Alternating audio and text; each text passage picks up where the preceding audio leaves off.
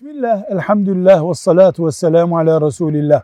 Allah'ın ipi ne? Sımsıkı sarılın buyuruluyor.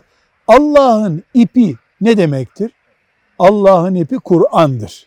Mecazi bir ifadedir bu. Allah'ın ipi Kur'ansa Allah'ın ipine sımsıkı sarılın demek de Kur'an'ı çok güzel yaşayın demektir. Buradaki çok güzellik ise ashab-ı kiram, tabi'in, tebeut tabi'inin yaşadığı Müslümanlıktır. Yani Allah'ın ipine sımsıkı sarılın sözünden biz ey Müslümanlar Kur'an-ı Kerim'i olduğu gibi iman ederek, yaşayarak kabul edin ve böylece Allah'ın ipine sarılmış olun demek olur. Velhamdülillahi Rabbil Alemin.